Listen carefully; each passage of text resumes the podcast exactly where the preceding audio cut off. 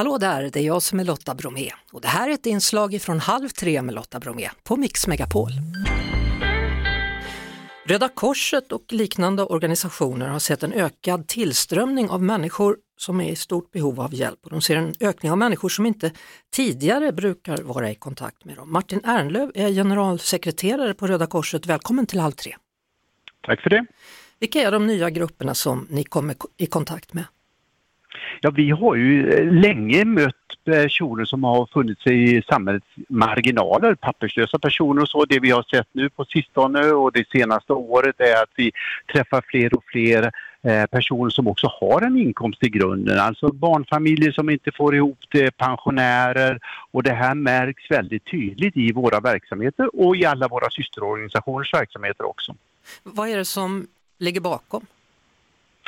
Eh, nu på det sistone så har vi ju förstås eh, att, att ekonomin är tung för personer. Alltså det har stora prisökningar, man får inte ihop elräkningar och mat. Men man har också nu när vi har vinter kommer på väg in, svårt kanske att skaffa nya skor.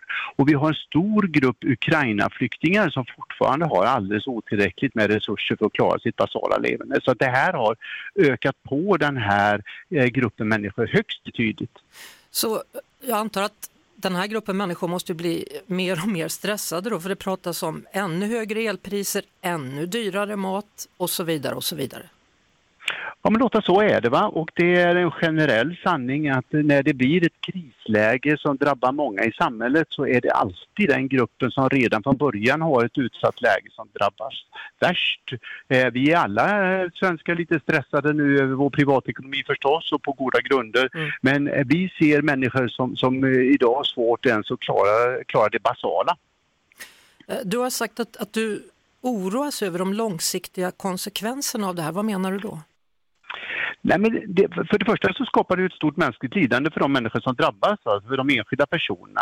Men sen är det inte bra när du får ett strukturellt utanförskap som förstärks i ett land. Det är inte bra för lokalsamhället och kommunen och det är inte bra för Sverige som helhet. Och det, här, det här är en utveckling som, som är, är oroande. Och vi, vi tycker ju till och med så här att, att den tillträdande regeringen här behöver ta ett snabbt grepp om detta och snabbutreda hur den här situationen ser ut. Vad kan man göra åt det här? Vad, mm. vad faller på kommunerna? Vad, vad faller på civilsamhället? Hur kan man skapa förutsättningar för det här? Så, så vad är det ni kan hjälpa till med i nuläget från Röda Korsets sida? Ja, idag är vi inne med det vi kallar för basalt stöd, alltså att människor får hjälp med mat, med, med kläder.